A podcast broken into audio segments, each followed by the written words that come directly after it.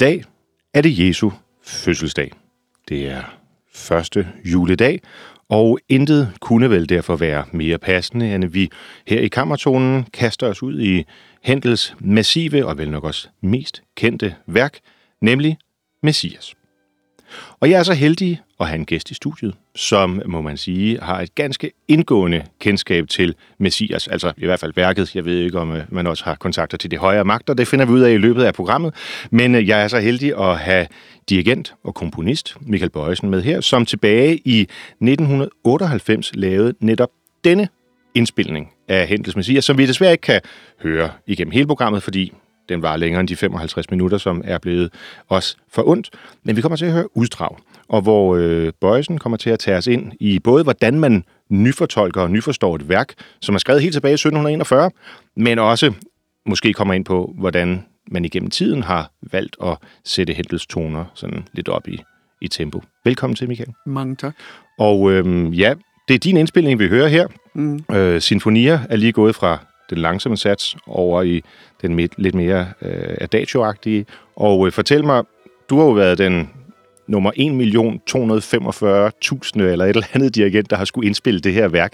Hvordan møder man det? Er det med ærefrygt, eller siger man, yes, nu kan jeg give min version?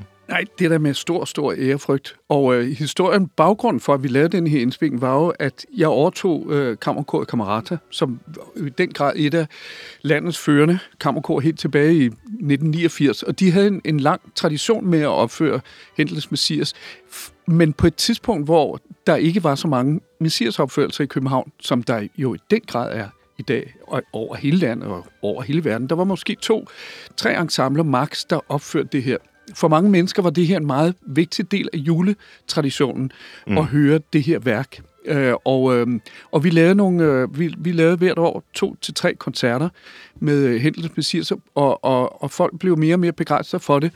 Og så valgte vi så at lave den her indspilning af det, for der er aldrig lavet en dansk øh, indspilning. Det er der simpelthen ikke? Nej, det er der ikke. Så det var faktisk den første indspilning, der var øh, danske indspilning, men selvfølgelig på den engelske tekst. Ja. Øh, og det er klart, da jeg skulle forberede det her og gå ind i det her øh, værk, fordybe sig i det, øh, så klart man jo lader sig inspirere andre steder fra. Det her var, jeg der overtog, var det altså som sagt i 89. Der var hele den retning med øh, originalinstrumenter, hele den, hvor man søgte tilbage til, hvordan har det lyttet dengang. Den var ikke så fremherskende, som den siden har blevet. Der var og hvad, og hvad betyder det så, når man sætter orkestret, så at sige? Altså er en violin ikke en violin? Ja, det er det jo ikke i det her tilfælde. Vi brugte moderne øh, violiner, moderne instrumenter, øh, hvor man kan sige, at nu har, har den lige været opført med Concerto Copenhagen, som jo benytter originalinstrumenter. Det er der jo flere og flere, der ligesom benytter sig af. Jeg kan huske, at en anmelder øh, på et tidspunkt sagde, at nu er det på tide, at Michael Bøjsen også anvender øh, originale instrumenter. Så der blev set ned på at bruge nutidens instrumenter? Ja, altså man kan sige, at man, man vil jo, når jeg selv kigger på denne her øh, indspilling, så kan man sige, jeg, jeg, jeg er sådan set meget godt tilfreds, men, men vi ændrer os jo hele tiden som mennesker, og jeg vil ikke lave det på den måde i dag. Mm-hmm. Altså, men det var den måde, som jeg så værket på. Jeg så det først og fremmest ud fra et, hvad skal man sige, selvfølgelig kan man sige, et musikalsk indgang, og hele teksten, og den musik, som er i fantastisk symbiose med hinanden. Altså Hentel, han bruger jo ordene til at, øh, at farve øh, sin musik, eller omvendt, han bruger sin musik til at farve ordene, mm-hmm. øh, og tage udgangspunkt i det, og det er utroligt gribende budskab, der ligger. Så det er ikke så det er ikke musik, han laver, og så skal der være noget tekst. Altså, det danner en symbiose. Ja, det i den grad. Det er jo ikke helt almindeligt for den tid. Altså Bach for eksempel har jeg da ofte hørt om, at, at sangerne nærmest kunne knække halsen på allerede i, i, det, i, det, i den første arie, fordi tingene ikke nødvendigvis hang sammen, men musikken var i fokus. Ja, Altså, det, altså i det her tilfælde kan vi bare sige, at det er simpelthen så gennemtænkt. Det er mm-hmm. historien, baggrunden for, for, for tilblivelsen af værket, er der sikkert mange, der kender, men altså øh, øh, Hentel er i London. Han, har, han er ved at gå falit med sit, eller er gået konkurs med sit operakompani. Han skriver en masse italienske operer, som alle sammen baserer sig på øh, sådan antikens øh, øh, Rom, og, det, alle, og Cæsar, alle de der gamle... ja, præcis, ikke? Ja. Alle de der gamle, og det har været mægtigt populært. Det har været sådan tidens trend. Men nu øh, gider englænderne ikke høre det. De forstår simpelthen ikke, hvad der foregår. Det bliver sunget på italiensk, og historien er ikke relevant for dem. Og så får han det her forlæg, tekstforlæg, øh, som er på engelsk. og som jo er interessant derved, at det beskriver, ja, det hedder jo Messias, men det baserer sig faktisk meget lidt på det nye testamente. Mm-hmm. Altså det er forudsigelserne, det er salmernes, altså det er det poetiske i det. Øh, og første del omhandler hele Jesu fødsel, øh, og det vil sige, at det er faktisk kun den første del, som hænger sammen med julen. Anden del handler om hans lidelse og død og genopståelse, og det er her, hvor Halleluja-koret kommer ind, mm-hmm. og som jo læner sig op af hele påskebudskabet. Og den tredje del, øh, som starter med I know that my Redeemer liveth, den her utrolig smukke sopranare, øh, det er faktisk, hvad betydning har hele historien om Jesus for os i dag. Okay. Så det er de tre dele. Så det er ikke et stykke julemusik, selvom man egentlig ja, du nævner det selv, det er her i julen, vi går ind og hører det. Ja. Men selve opførelsen tilbage i 1741 fandt jo også sted i påsken. Ja. Så, så Hentel har ikke set det her som øh, opfølgeren til Joy to the World, for eksempel, som han lige, den fik han også lige klemt ud. Han var god til at lave hits. Det må øhm, sige. Det er ikke et stykke julemusik i den forstand. Nej, første del er det jo, fordi det handler om, om hans, øh, hvad hedder det, og det, ja, og det er øh, Every Valley og så videre, og hele forudsigelsen om ham, øh, og Unto Us a Child is Born, mm-hmm. og så videre. Altså de her ting, som knytter sig til julen. Men det er mange steder blevet øh, forbundet med julen, det her. Og Halleluja-koret, som, altså, som sagt er faktisk genopstandelsen, øh, er jo på en eller anden måde indbegrebet af jul det må man for mange sige. mennesker. Jeg, jeg kan huske, at jeg for nogle år tilbage var i Marmorkirken i København, som jeg må sige nok er en af de kirker, jeg vil betragte, efter jeg var derinde, som den mindst egnede til at lave musik, fordi ekkoet jo er så mm. enormt. Mm. Men der er der en tradition for ikke bare at lave Messias, men også at afslutte, altså uden at spille tredje del. Man mm. sluttede med Messias, mm. øh, eller med Halleluja-koret, mm. og de rejste sig op. Ja. Altså sådan i en dægtighed. Ja. Øhm, det Men ved du hvad, det er faktisk en tradition, som kommer fra en af de første gange, hvor værket bliver spillet i London, Nå. hvor den engelske konge er til stede. Ja. Og så kommer denne her sats, Halleluja, halleluja, and he shall reign forever and ever, King of Kings, som den siger.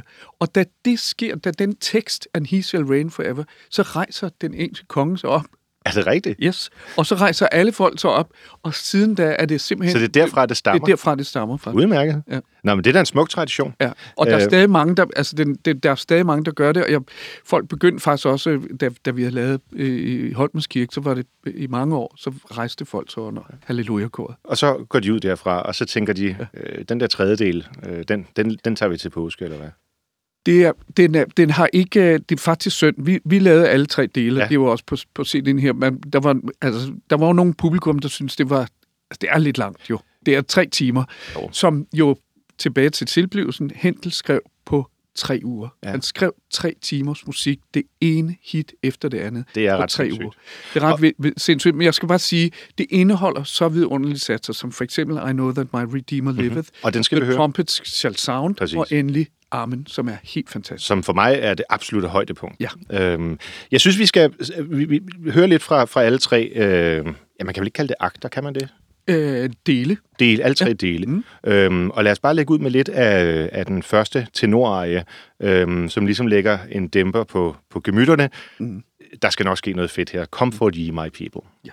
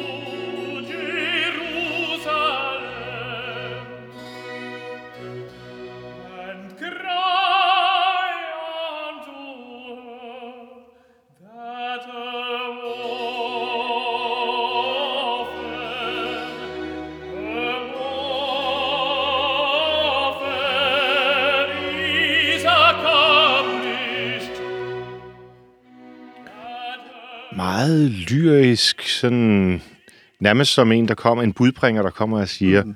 nu skal I være rolig, nu, nu, nu kommer der noget vigtigt. Mm. Øh, Peter Grønlund, Peter Grønlund øh, ja. der synger tenor øh, her, man kunne jo sagtens forestille sig den her arie i en opera, kunne man ikke? I den grad. Og det er jo også det, der sker, at fra at Hentler lavede de her operer, så, laver, så kommer han altså til at lave de her oratorier, som dækker over, at det er engelsk tekst, baseret på bibelske historier. Var det helt utænkeligt at lave en opera på engelsk her i barokken? Altså, det, det er det jo ikke, og man laver jo også det her The Bakers Opera og sådan noget, men som bliver meget populær, altså en folkelig opera på engelsk, men, det, men på en eller anden måde er det så forbundet med denne her, øh, med den operastil. Jeg ja. ved ikke, om man kan huske scenen i Amadeus, hvor jo også Mozart siger, at han vil lave en opera tysk. Ja. Altså, det, det er sådan helt, what? Folk, altså, ja, det men det han er så helt- også omringet af italienere, tror Ja. jeg, der var ansat ved hoffet. Præcis. Så de har simpelthen siddet på musikken. Præcis, Ja. præcis. Ikke? Og, det, det, og hele den der operas-genre var italiensk, og derfor sang man på italiensk. Da han så laver de her oratorier, som, og hvor man kan sige, at Bibelen indeholder jo dybest set også nogle af de fedeste og bedste dramaer og, og Ja. historier, ikke? altså Saul, som man skriver, og, Mhm. og Et andet Israel i Egypten ja. og så videre. Ja. Altså, det er jo det er jo nogle rigtig gode historier, men han, men, og han bruger alle de elementer, som man har i en opera, altså med recitativ. Det her er dybest set et, et recitativ, Mhm. mm-hmm. øh, som bliver efterfulgt af den øh, øh, hurtige arie. Øh, man har kor. Der er meget kor i oratoriet generelt sammenlignet med en, en, en opera, men arierne og alt det der med ørehængerne osv. Ja. Men det vil sige, hvis man skal på det tidspunkt sådan ligesom sige, hvad er forskellen mellem oratoriegenren og, øh, og operaen, så er det primært sproget i virkeligheden, og så der, hvor man kan opføre det. ja, og så handlingen. Altså mm. det inde, indeholdet, kan man Ja, sige. ja fordi altså, oratorierne, indhold- de har jo i udgangspunktet. Oratoriet har altid ja. et, en, en bibelsk tekst. Oratoriet betyder faktisk en bedesal, og oratoriet ligger sig til der, hvor man opførte de her værker. Åh oh ja, ora, det er ordet. Ja, et bede, ikke? At bede, ja, ja, ja, giver mening. Så, øhm, så det, men, men, men hvad skal man sige, øh, der, er jo også, vi ser jo efterhånden øh, mange, som laver altså drama af de her oratorier. Ja. Øh, det Kongelige Teater lavede en version af Messias, for eksempel, for nogle år siden.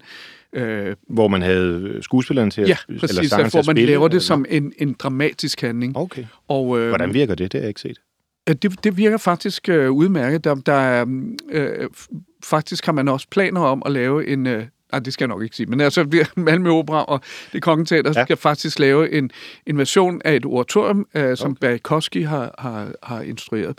Så øh, det bliver, det er øh, faktisk, øh, Så det begynder at smelte mere og mere sammen nu. ja, Men det er vel en ny ting, går jeg ud fra, ja, det er det nok. for vores tid. Ja. ja, og fordi det er klart, at Hentel har ikke forestillet sig, at der, der er jo heller ikke nogen regibemærkninger. Der er ikke et eller Nej. andet med, at, at man følger nogle bestemte. Og på det tidspunkt, som sagt 1741, altså oratoriet er jo et velkendt instrument, altså både, øh, eller øh, musikform, både øh, Bach og masser af andre palestriner og så videre har jo skrevet i oratorieform, men, øh, men i begyndelsen blev øh, taget imod med en stor skepsis. Altså folk synes, det var en vulgarisering af Bibelen og det kristne budskab og ja, hele den højtidelighed, der måtte være omkring det.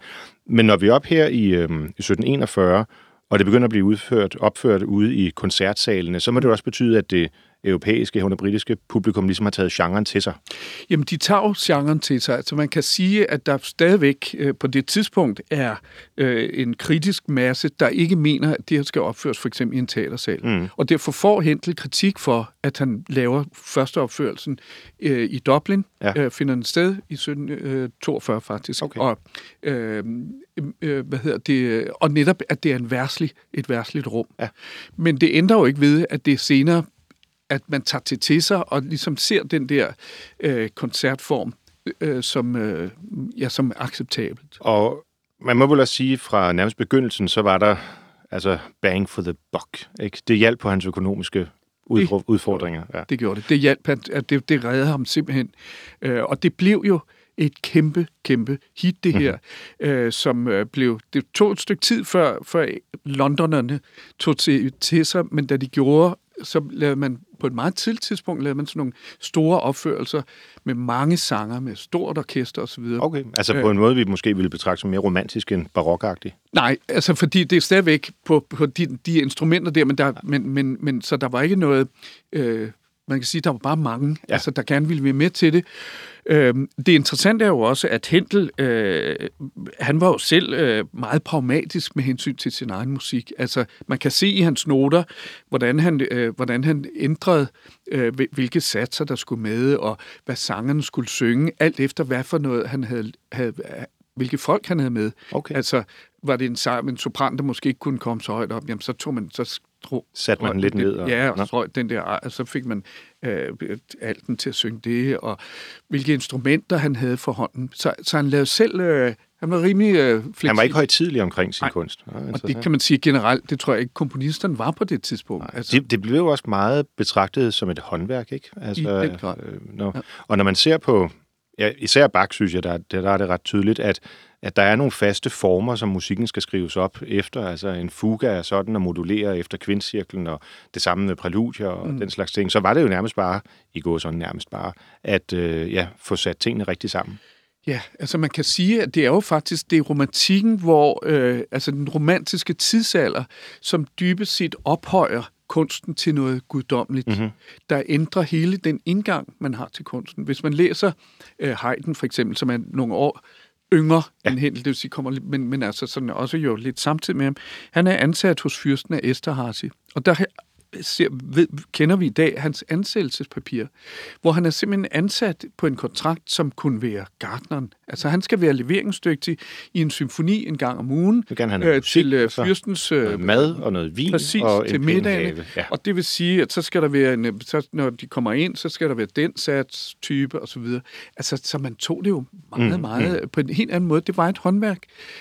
Men et, må man sige, håndværk, som i hvert fald Hentel og Jodas Haydn øh, var ret stærke i. Og jeg synes, vi skal høre et af de superhits, der er i, øh, i første del. Øh, du var lidt inde på det før, øh, nemlig koret og budskabet om, at øh, et barn er født. Skønt.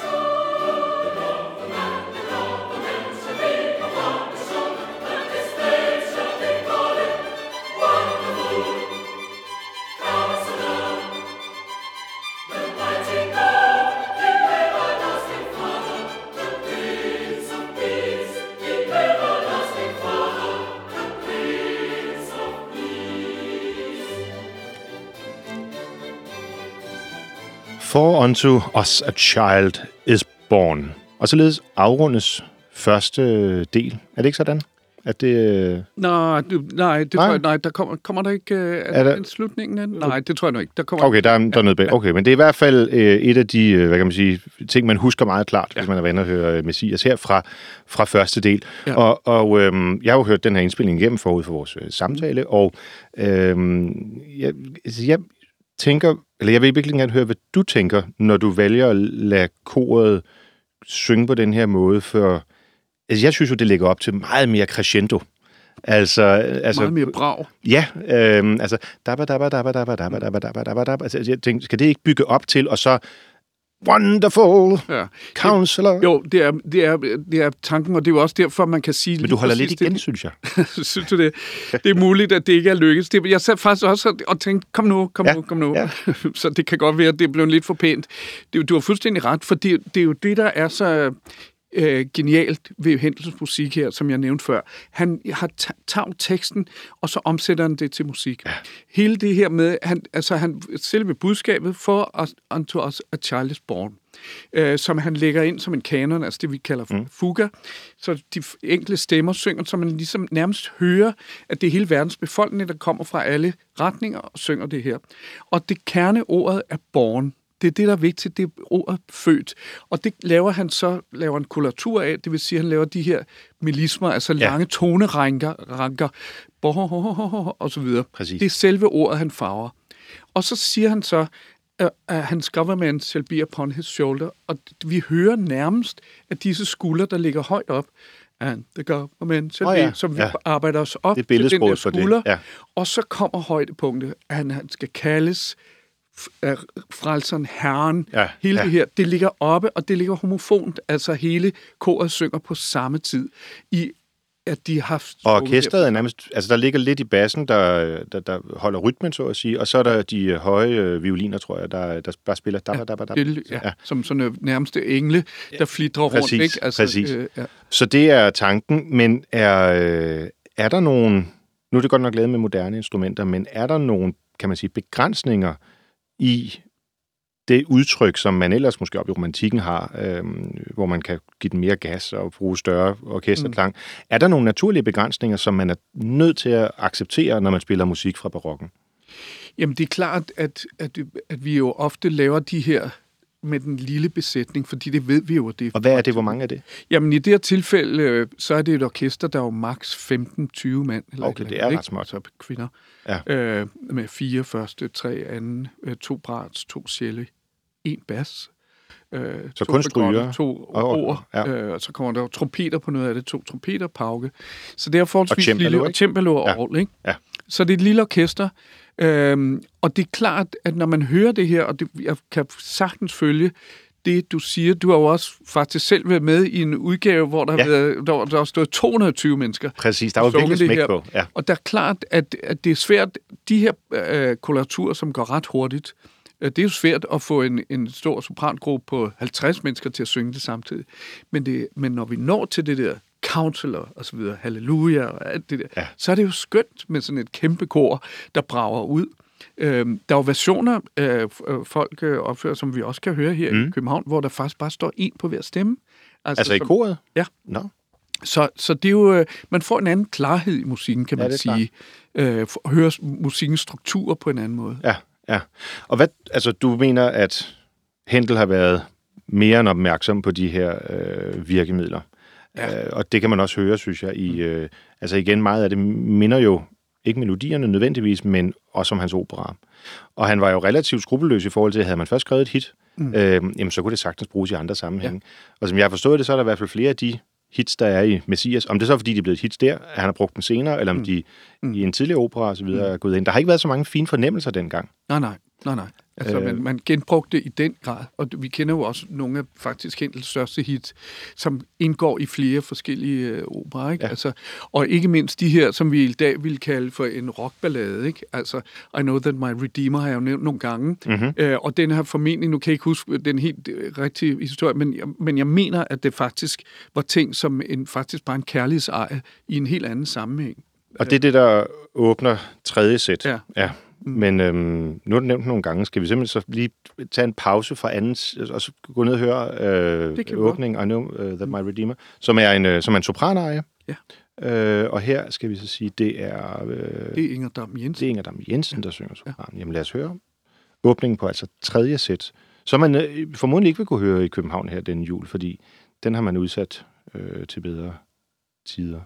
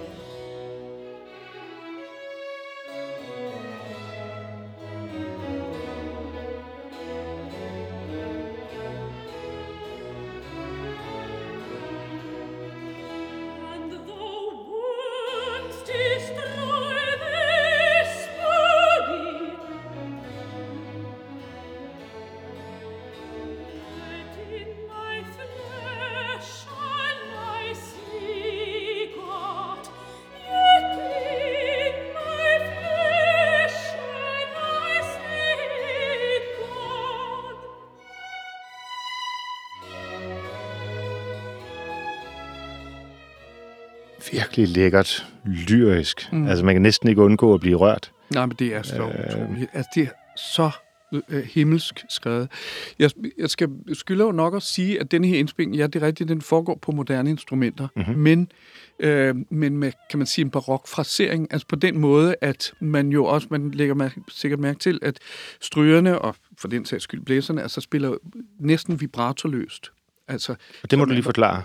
Jamen, det er normalt, hvis man ser et orkester med, med at spille romantisk musik, så vil du se, at det er venstre hånd, der sidder på gribebrættet, ja. står og ligesom vibrerer. Mm-hmm. Det er simpelthen for at give øh, øh, øh, tonen en, en bredde og en klang, og så laver man et vibrato på, for ligesom at give den en kerne. Ja. Øh, når man spiller øh, på øh, barok øh, vis, kan man sige, så bruger man, så er det buen, der ligesom laver arbejde. Så, så er det Så holder man lægger venstre grebet af i ro, og så er det Ja. med buen. Det, Altså, man ligger lidt vibrat, Ja. men det er simpelthen ikke inde i stilen, og det er igen med til at gøre det der meget lyriske, meget slanke lyd. Øhm, der, så der er ikke noget vibrato. Og så kan man sige også, at i romantikken, i den, hvis man spiller på en normalt, så vil man klæbe tonerne sammen meget legato. Ja. Altså det vil sige, at man for strødens vedkommende spiller mange toner i samme strøg, ligesom for at klistre dem sammen. Men, men når du laver denne her frasering, så vender du hele tiden buen. Og hvorfor? Er det simpelthen, fordi instrumentet var anderledes dengang, at man ikke kunne få den fede, legatiske klang? Eller, Øh, eller jo, altså, jamen det, altså, det er jo bare en anden, det er jo et andet klangideal, kan man sige, ikke? Mm. Og instrumentet var anderledes, men man, først og fremmest, der er jo ikke nogen, der kan vide, om det er, fordi vi har ikke nogen optagelser Nej, det fra, er jo fra den evige udfordring. 1741, men ja. det er jo en, en, en, en, det giver mening, og det er jo også noget med, at hele denne her, øh, den stil musik, den måde, som det bliver komponeret i, er så filigran på en eller anden måde. Altså, der er så mange ting, der ligesom... Så klarheden har tjent det formål, at du kan høre Ja. alle finesserne. Ja, præcis. Ja, mm. ja. Men det er jo ikke alle øhm, dirigenter, der har hvad kan man sige, holdt sig lige så stringent til datidens idealer. Mm. Altså, øhm, fordi hvis man går ind på Spotify, så vil man jo kunne finde øh, rigtig, rigtig mange indspilninger, som ja. Vi også var inde på før. Og nogle af dem, der har man tænkt lidt, øh, at Hentel måske var for fattig for, sin, for, for, for eftertiden, når man skulle spice det lidt op. Ja.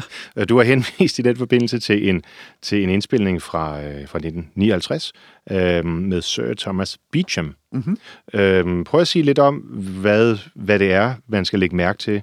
For eksempel, hvis vi skal høre Halleluja-koret, det er vi jo nødt til øh, mm. her på denne dag. Øhm, hvad er det, der adskiller Beechams Halleluja fra dit Halleluja, for eksempel? Ja, det er jo, at uh, Beatum fik uh, Eugene Goosens, en uh, engelsk-belgisk uh, komponist, til at lave en instrumentation af Händels Messias. Og det var ikke en ny uh, ting, for det gjorde Mozart også. Det er der ikke mm-hmm. særlig mange, der ved, men, men Mozart i 17 89 eller noget, tror jeg, laver en, altså 40 år efter, at, øh, at Messias har fejret triumftog i England, så vil man gerne hen til Wien. Ja. Og så, så beder man Mozart om at lave en instrumentation, som altså lidt passer sindssygt. ind i hele den der vinerklassiske.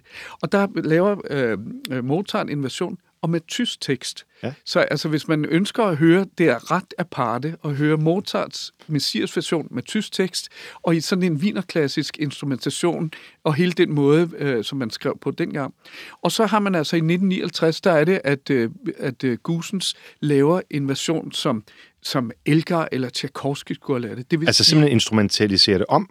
Han eller hvad? orkestrerer det om, ja. Nå. Og det vil sige, at han sætter, han laver også indimellem, så laver han sådan lidt om på harmonierne, for de bliver sådan lidt øh, sprødere, men altså forholdsvis tæt på originalen, og så, men altså fire fløjter, fire oboer, fire klarinetter, øh, st- stort messingudtræk, masser af slagtøj, og det vil vi også høre her. Mm-hmm. Der er også harpe med, faktisk, øh, som, som jo heller ikke var en del af det barok øh, instrumentarium sådan, øh, i orkestrene. Øhm, og så stor strygebesætning og kæmpe kor. Ja.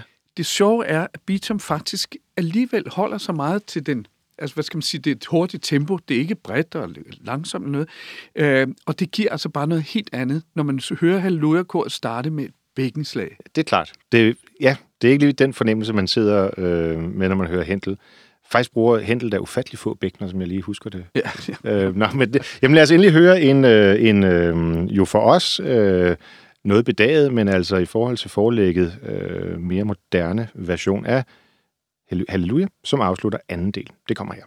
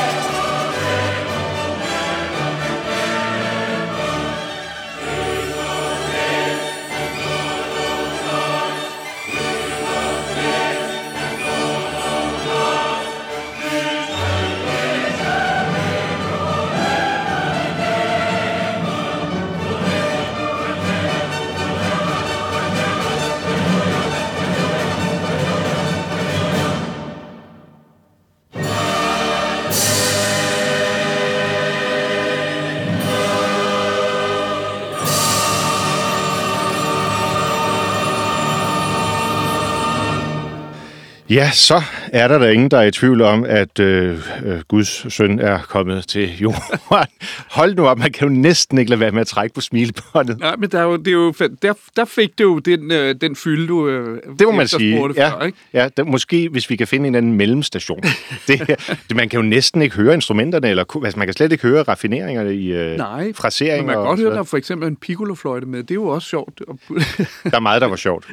øhm, men Men, det, er jo, det er jo meget effektfuldt, det må man sige. det må jeg godt Og- forstå, at der er folk, der har rejst sig op. En, ja, ja, og en anden ting, øh, at man faktisk jo også, øh, hvad hedder det, ændrer lidt på tempine her og der, ikke? Altså Jo. med langsom og retardando og accelerando her, hvor man gør det hurtigere og hurtigere og hurtigere. Ja, og hurtigere. ja, der er, altså alle effekter er taget Det må man sige.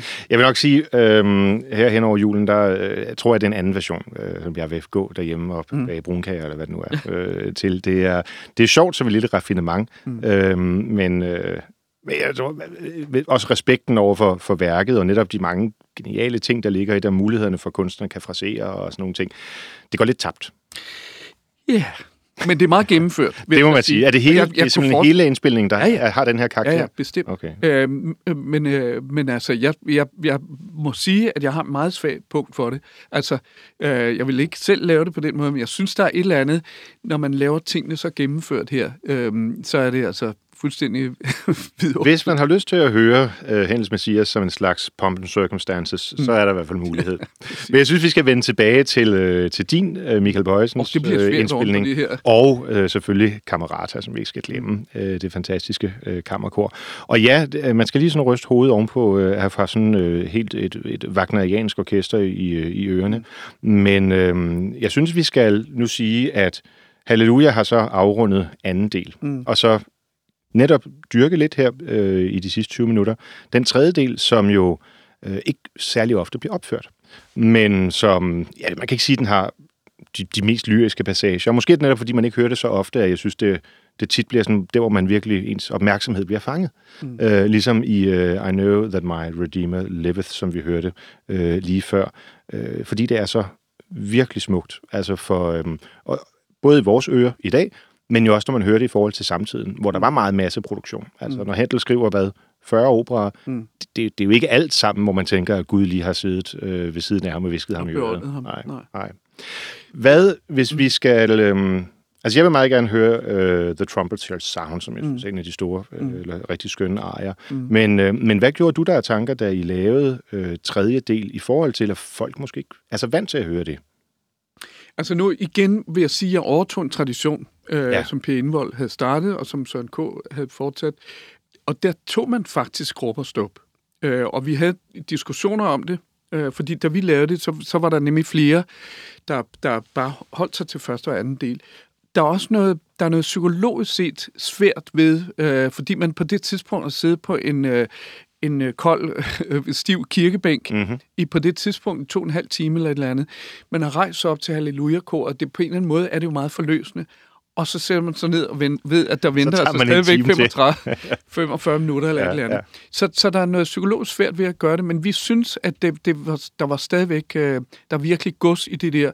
Og hvis man, der, der er jo formæssigt, hvis man nøjes med at tage highlights som I Know That My Redeemer og The Trumpet Shall Sound, og så slutter med armekor, så er det sådan mærkeligt... Øh, Ja, det er Uforløst. meget for- uforløst. Ja. Og der er et eller andet med, øh, at man skal lide, før man virkelig kan nyde. Ikke? Og det vil sige, at der er også et eller andet ekstra forløsende ved ammenkoret til allersidst, når man faktisk har siddet og hørt så meget musik. Mm-hmm. Øhm, og jeg synes, der er mange øh, forskellige ting i tredje del, som er vidunderlige, og ikke mindst selvfølgelig uh, The Trumpet Shall Sound, som er selvfølgelig dommedags profetien. Øh, per Højer øh, synger bassen her.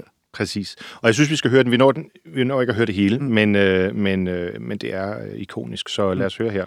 The Trumpet shall Sound.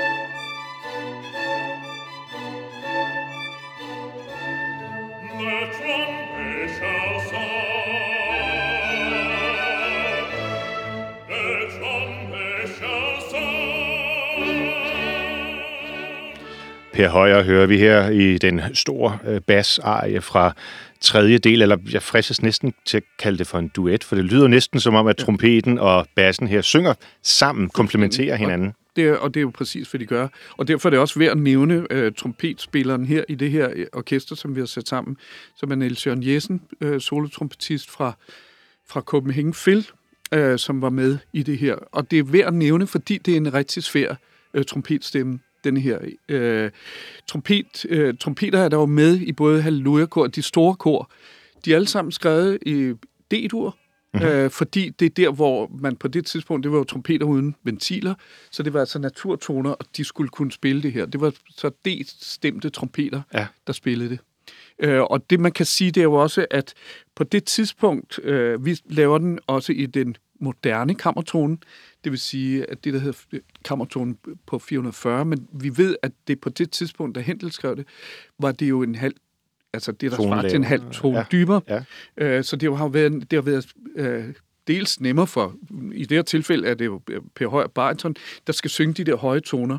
Og der er det jo en hjælp, at det lige er en halv tone under. Det er det altså ikke i den her udgave. Øhm, så, så det er en svær trompetstemme, den her. Men vil det sige, at når du har en, en moderne trompet med ventiler, og du ikke trykker nogen af dem ned, så spiller den i naturtonen. Ja. Men det er en anden naturtone, end den, der galt der, hvor der slet ikke var nogen ventiler. Ja, det kan man sige, men det, mm-hmm. altså, orkester var, altså, det var nogle helt andre instrumenter, ikke? Ja. Ja. Hvordan sætter man egentlig, når man sætter sig for at lave øh, Händels Messias i en indspilning, og beslutter sig for at ikke at gøre det fuldstændig med ret barok øh, orkester og så videre, men alligevel øh, tro i forhold til, øh, til tidens øh, lyd.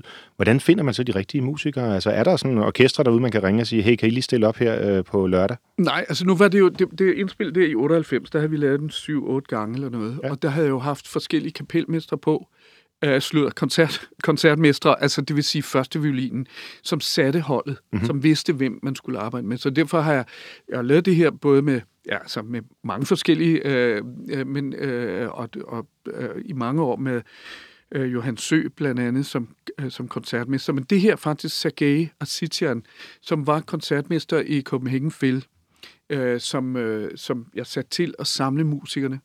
Øh, og, det, øh, og, og det gjorde han, og derfor samlede han jo nogle folk, som han vidste kunne spille.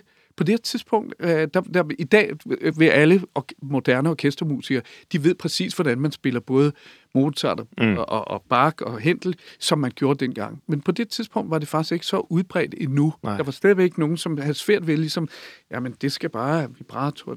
Altså, det, det var en anden... Øh, en anden æstetik, kan man Ja, sige. Og der ja. samlede Sergej Asitian nogle rigtig gode øh, folk i orkestret. Så på den måde er det her for 25 år siden øh, en nyskabelse.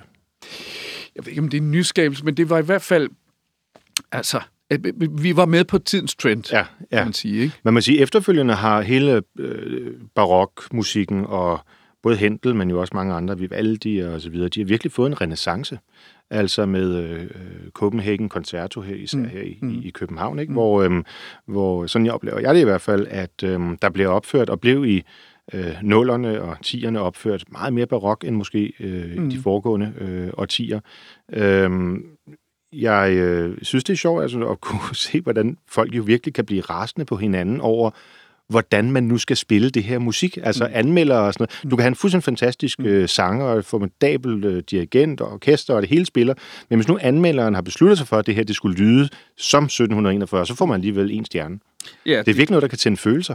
Ja, det, det må man sige. Og det, det er specielt ved at sige, dengang, som sagt, nævnte jeg denne her anmeldelse, hvor man siger, nu er det på tide, at Michael Bøjsen bruger øh, originale instrumenter. Ikke? Så var, man kan sige, der var sådan meget, det var nærmest religiøst øh, diskussioner. Ikke? Jeg tror, man har en, øh, altså man opdager jo nogle sider ved musikken, som ikke, havde, som ikke var der ved at spille på den måde, som man mener, man har spillet dengang. Ikke? Og, og nu hørte jeg for eksempel lige Concerto Copenhagen, som er kastet ud i Lumby, Ja. øh, og spillet på den måde, som man tænker, at Lumby har hørt det der. Øh, Som lige er vel 100 år efter Ja, Händel, ikke? Der er ja, vi sådan i ja, starten af ja, 1800. ja, midten, midten af 1800 1840'erne. Ja, ja. Så, øhm, og det, det giver jo et, nyt øh, billede på det, og der er også øh, flere, der spiller den romantiske musik faktisk med originalinstrumenterne. Ikke? Der bakker... Nå, men de op- oprindelige instrumenter. Ja, oprindelige Okay, okay, instrumenter, ja. ikke? Altså ikke øh, nødvendigvis barok, men altså de originale instrumenter. Og det giver jo noget andet Ja. til det. Øh, og det tror jeg, ligesom med alle andre bølger og bevægelser, så kommer der jo på et tidspunkt en modbevægelse, ikke? der siger, "Nå, men lad os nu høre øh, den der barokmusik udsat for stort romantisk orkester. Ja, det oplevede vi jo i hvert fald øh, lige før.